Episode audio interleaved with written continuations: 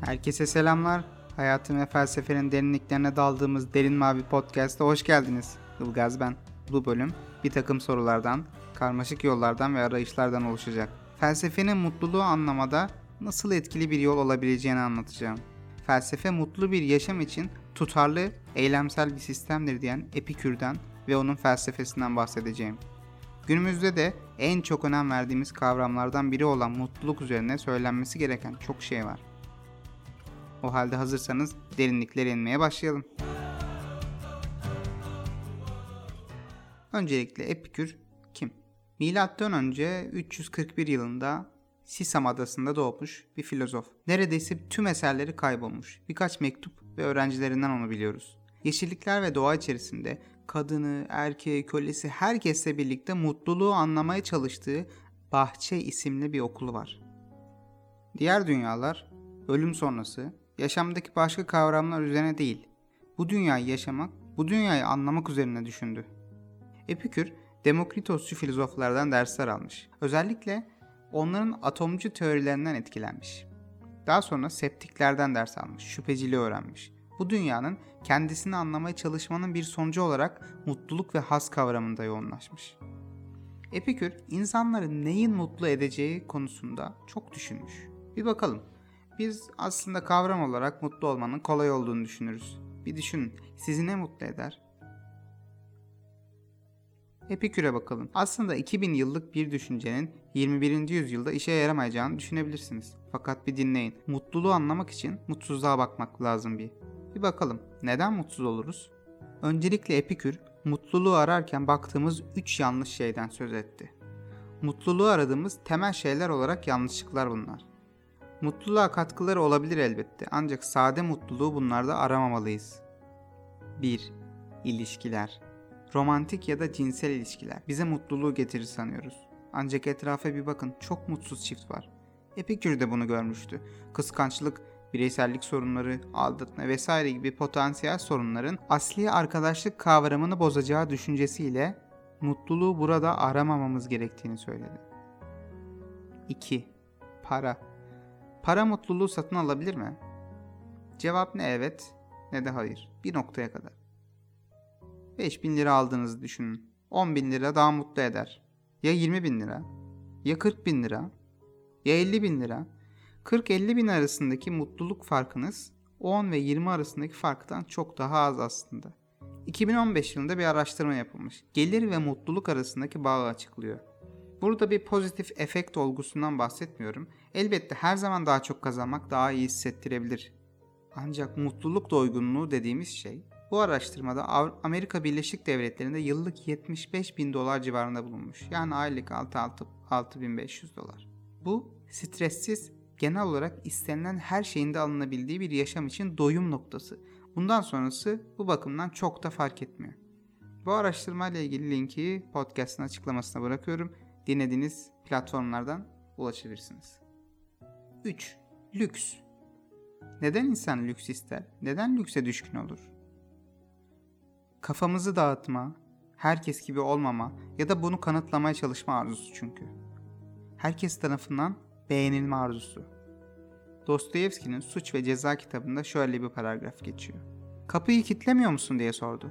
Hiçbir zaman kitlemedim ki. Sözde iki yıldır kilit alacağım. Gülümseyerek baktı.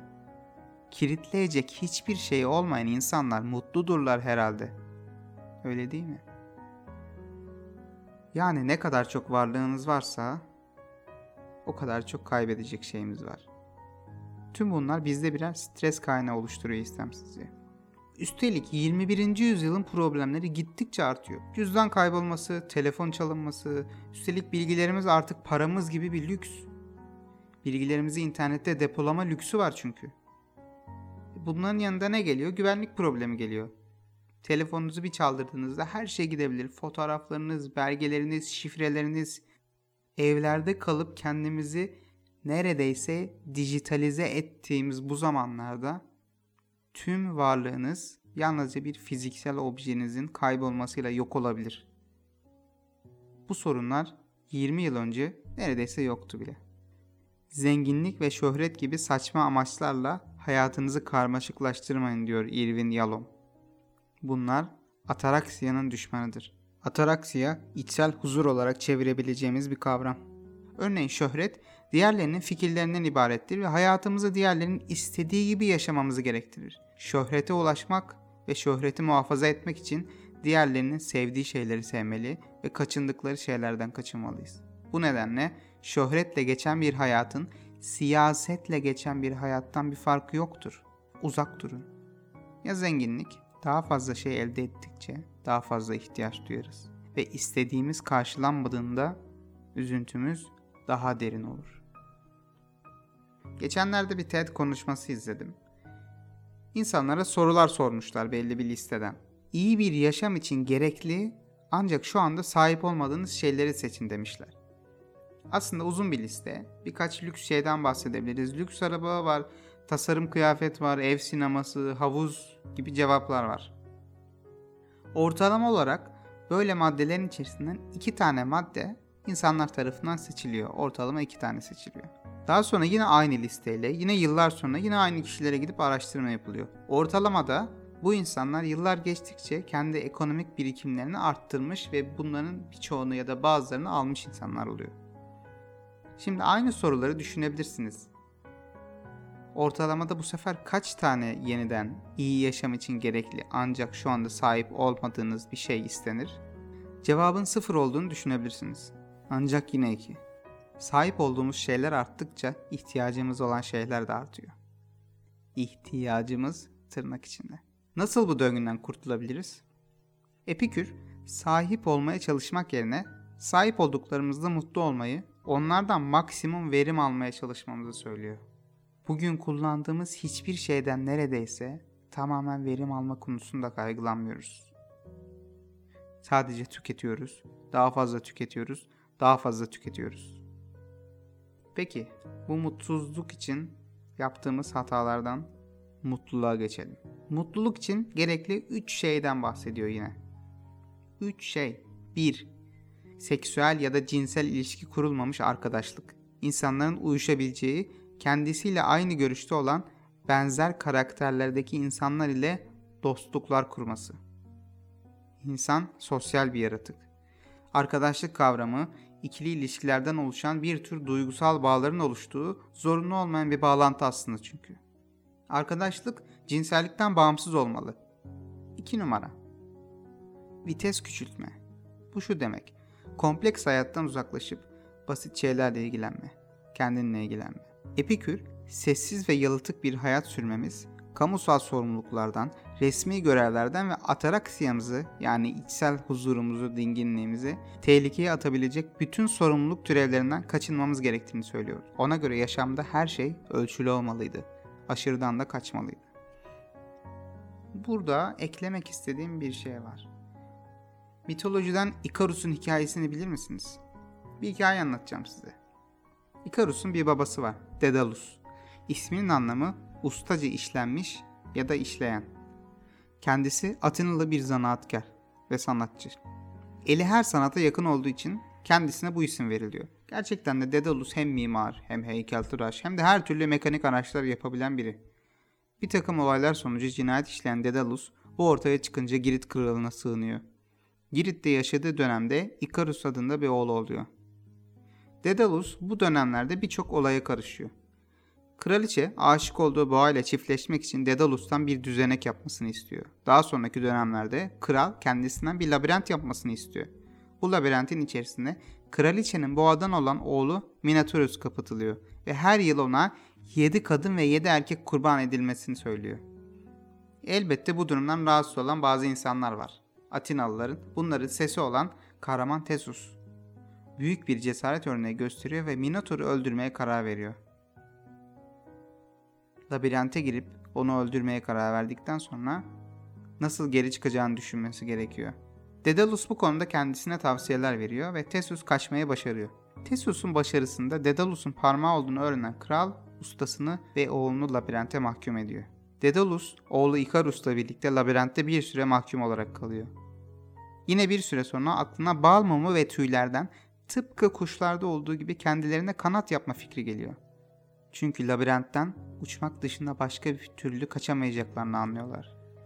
Aklına gelen bu fikri uygulamaya koyan Daedalus, ahşap bir sistem üzerine kuş tüylerini yerleştirir ve onları bal mumu ile destekler. İki çift kanat en sonunda hazır olur. Birini oğluna, diğerini ise kendisine takan Daedalus artık kaçmak için hazırdır. Daedalus uçmadan önce oğluna çok alçaktan uçarsa denize düşeceğini, çok yüksekten uçarsa güneş ışınları yüzünden kanatlarını kaybedeceğini söyler. Ikarus'u dengeli biçimde uçması gerektiği konusunda sıkı sıkı tembihledikten sonra ikisi de uçmaya başlarlar. Ikarus uçuşu sırasında babasının sözlerini unutur ve dengeli bir uçuş gerçekleştiremez. Ikarus ya başarısından dolayı ya hava sarhoşluğu nedeniyle ya da uçmanın verdiği özgürlük hissiyle daha da yükseğe uçmaya başlar. Genç adam öyle yükselir ki güneş tanrısı bunu kendisine karşı saygısızlık olarak algılar. Güneş ışınları Ikarus yükseldikçe bal mumunu eritir ve kanatlarını yakmaya başlar. Bunun üzerine Ikarus tepe taklak olur ve hızlıca denize düşer. Boğularak ölür. Ikarus Ege denizinde bir yere düşmüş. Düştüğü söylenen deniz İkarya denizi ve oraya yakın olan adanın adı da İkarya adası olarak kalmış. Ölçülü olmakla ilgili bugüne kadar anlatılmış bence en güzel hikaye budur. 3. Mutluluk için gerekli üçüncü şey meditasyon, okuma, dinleme, yazma gibi sakin aktivitelerde bulunma. Sakince güzel bir manzaraya bakma belki de. Huzur deyince aklımıza gelen o kitap, kahve, müzik üçlüsü. Kendinle baş başa kalma.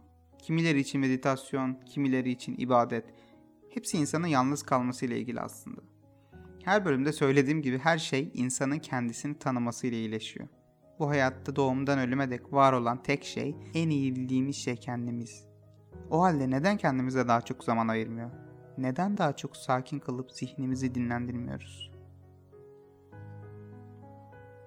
Tüm bu mutluluğa giden yol aslında meşakkatli. Çünkü mutluluk dediğimiz şey çoğunlukla zevkten yani hazdan da geçiyor. Bunların birçoğu tehlikeli, birçoğu içgüdüsel.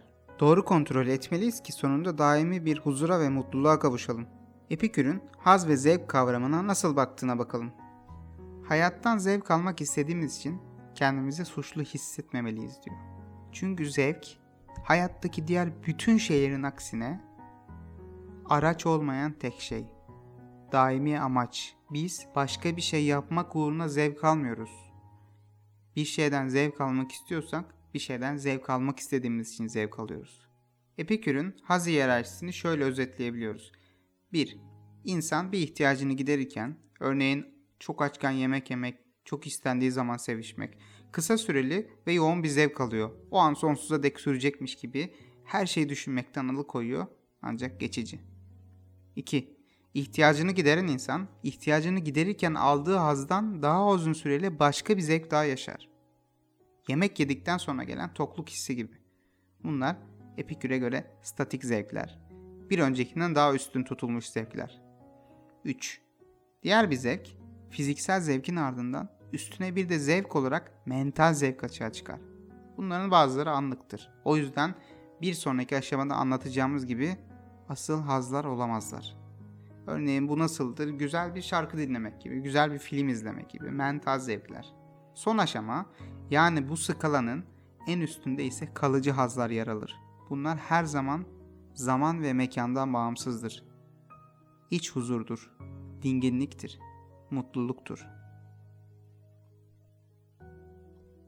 Zevke giden bu yolda carpe diem yapmamalıyız aslında. Yani anı yaşamak, hayattan zevk almak gibi bir hedonist bakış açısı değil bu. Son aşamaya ulaşmak kolay değil insanın huzura erişmesi için çabalaması lazım. Hem içsel olarak kafasını toplaması hem de dünya evi sorumluluklarını ve isteklerini gerçekleştirmesi lazım. Hayallerinin peşinden koşması lazım. Horace, gelecek kaygın olmaması için, umutlarının gerçekleşmesi ve huzuru bulman için boş boş bekleme. Bugünden icraate başla. Yoksa hayallerin kendi başlarına gerçekleşmezler diyor. Epikür, hazların geçici elde edildiği anlardaki duyularımıza ne kadar da güvenebileceğimizi sorguladı. Bir örnek vardır şöyle. Çok uzaktan çölde şehre doğru yürüyen bir insan. Çok uzaktayken şehri hafif bombeli görüyor. Ancak yaklaştıkça elbette şehrin düz olduğunu fark ediyor. Ancak ilk baktığı gözleriyle şehre yakınken baktığı gözleri aynı değil mi? Tam olarak ne zaman gözümüzün bize yalan söylediğini fark ediyoruz? Tam olarak ne zaman duyularımıza güvenebiliriz? Ya da duyularımıza herhangi bir zamanda güvenebilir miyiz? Zevk alırken ya da tam tersine acı çekerken duyularımızdan aldığımız hangi sinyallere güveneceğiz? Evet aç bir insan için belki sulu bir hamburger yemek çok güzel belki. Ama ya diş ağrıyorsa? Ben birkaç yıl önce bademcik ameliyat oldum. Hatırlıyorum iki hafta boyunca hiçbir şeyden zevk alamadım. Sürekli bir ağrı, sürekli bir acı söz konusuydu. Neyse ki birileri ağrı kesici icat etmiş ve böyle rahat rahat geçirebildim. Evet bu acılar çok fazla. Ama geçti mi? Geçti. Çünkü ne olursa olsun ağrı geçiyor. Uzun süreli kalıcı zevklerden bizi uzak tutan ne? Biz buna bakmalıyız. Kaygı, stres, hayatı algılama biçimimize bakmalıyız. Bir önceki bölümde bahsettiğim stoacıları hatırlayın. Bize olanlar değil, onlara bakış açımızda tüm gerçeklik. Acıdan kaçınmanın yolu onun fiziksel işleyişini öğrenmek belki. Bir şeyin yapısal kavramları hakkında düşünmek, acı hakkında farklı düşünmeme sebep oluyor benim. Anlık da olsa dikkatimi başka yere vermiş oluyor. Küçükken dişim ağrıyınca korktuğum diş hekimine gitmemek için çizgi film izlediğimi hiç unutmuyorum mesela. Çünkü çizgi film izlerken burada değildim, oradaydım. Çizgi filmin içerisindeydim. Aklımı kandırıyordum. İşe yarıyor muydu? Kısa bir süreliğine. Peki kandıramayacağımız ve kaçamayacağımız tek gerçeklik ne? Ölüm. İnsanların çoğu ölümün kendisinden değil, ölüm anındaki ya da ölmeden önceki acıdan korkuyor. Burada Epikür'ün çok realist bir bakış açısı var. Çok ağrı zaten insanı hızlı öldürür. Az ağrı uzun sürer ve zaten az ağrıdır, problem değil diyor. Acısıyla, kaçamayacağımız gerçekliğiyle ölüm hakkında şu ünlü sözü söylediğinde her şeyi açıklamış oluyor zaten. Üstelik mezarında da bu yazıyormuş. Ölümden korkmak bilge kişi için anlamsızdır. Çünkü yaşadığımız sürece ölüm yoktur. Ölüm geldiğinde ise artık biz yokuz. Epikür bir de korku kavramından mümkün olduğunca uzak durulması gerektiğini söylemiş. Bu yüzden de dinlere ve tanrı kavramına karşı mesafeli olmuş. Ona göre insanın en büyük korkusu aslında ölüm ve tüm korkular buna bağlanıyor. Ölümün korkutucu düşüncesini yenmenin bir insanın en büyük kazanımı olabileceğini iddia etmiştir. Burada iki soru var aklımda. Tüm yaşam boyunca insanın ölümü aklından çıkarabilmesinin bir olanağı var mı? Az önce bahsettiğim anlık mutluluklar, anlık zevkler ya da kendimizi kandırmamız dışında genel bu ruh halimizde ölümü akıldan çıkarmamıza olanak var mı? Diğer bir yandan her an ölümü düşünerek yaşayan bir insan normal bir yaşam sürmüş olabilir mi? Korkarak yaşamanın bir anlamı var mı? Epikür, korkuyu azaltmanın yanında beklentilerimizi de aza indirmemiz gerektiğini söylemiş. Gelecek günden en az şey bekleyen onu en büyük sevinçle karşılar diyor. Ve mutluluk hakkında yolculuğumuzun sonlarına geldik. Mutluluk hakkında ne çok şey bildiğimizi sandıkça o kadar çok şey az bildiğimizi fark ediyoruz aslında. Eğer mutlu değilseniz ya da mutluluğu arıyorsanız hayatınıza felsefeyi alın. Bakış açınızı, yaşama şeklinizi ve kendinizi değiştirme, dönüştürme cesaretine sahip olun. Mutluluğun peşinden koşmak, mutlu olmakla sonuçlanacaktır. Bu konuda çok sevdiğim bir film var, önerebilirim size. Hector ve Mutluluk Arayışı. Hector and Search for Happiness. 2021'in bu yeni bölümünde herkese içten bir mutlu yıllar. Her türlü düşünceniz ve eleştiriniz için bana ulaşabilirsiniz. Sosyal medyada Derin Mavi Çocuk kullanıcı adıyla kişisel hesabıma, Felsefe Günlüğü kullanıcı adlarıyla da sayfama ulaşabilirsiniz. Bir sonraki bölümün derinliklerinde görüşmek üzere. Hoşçakalın.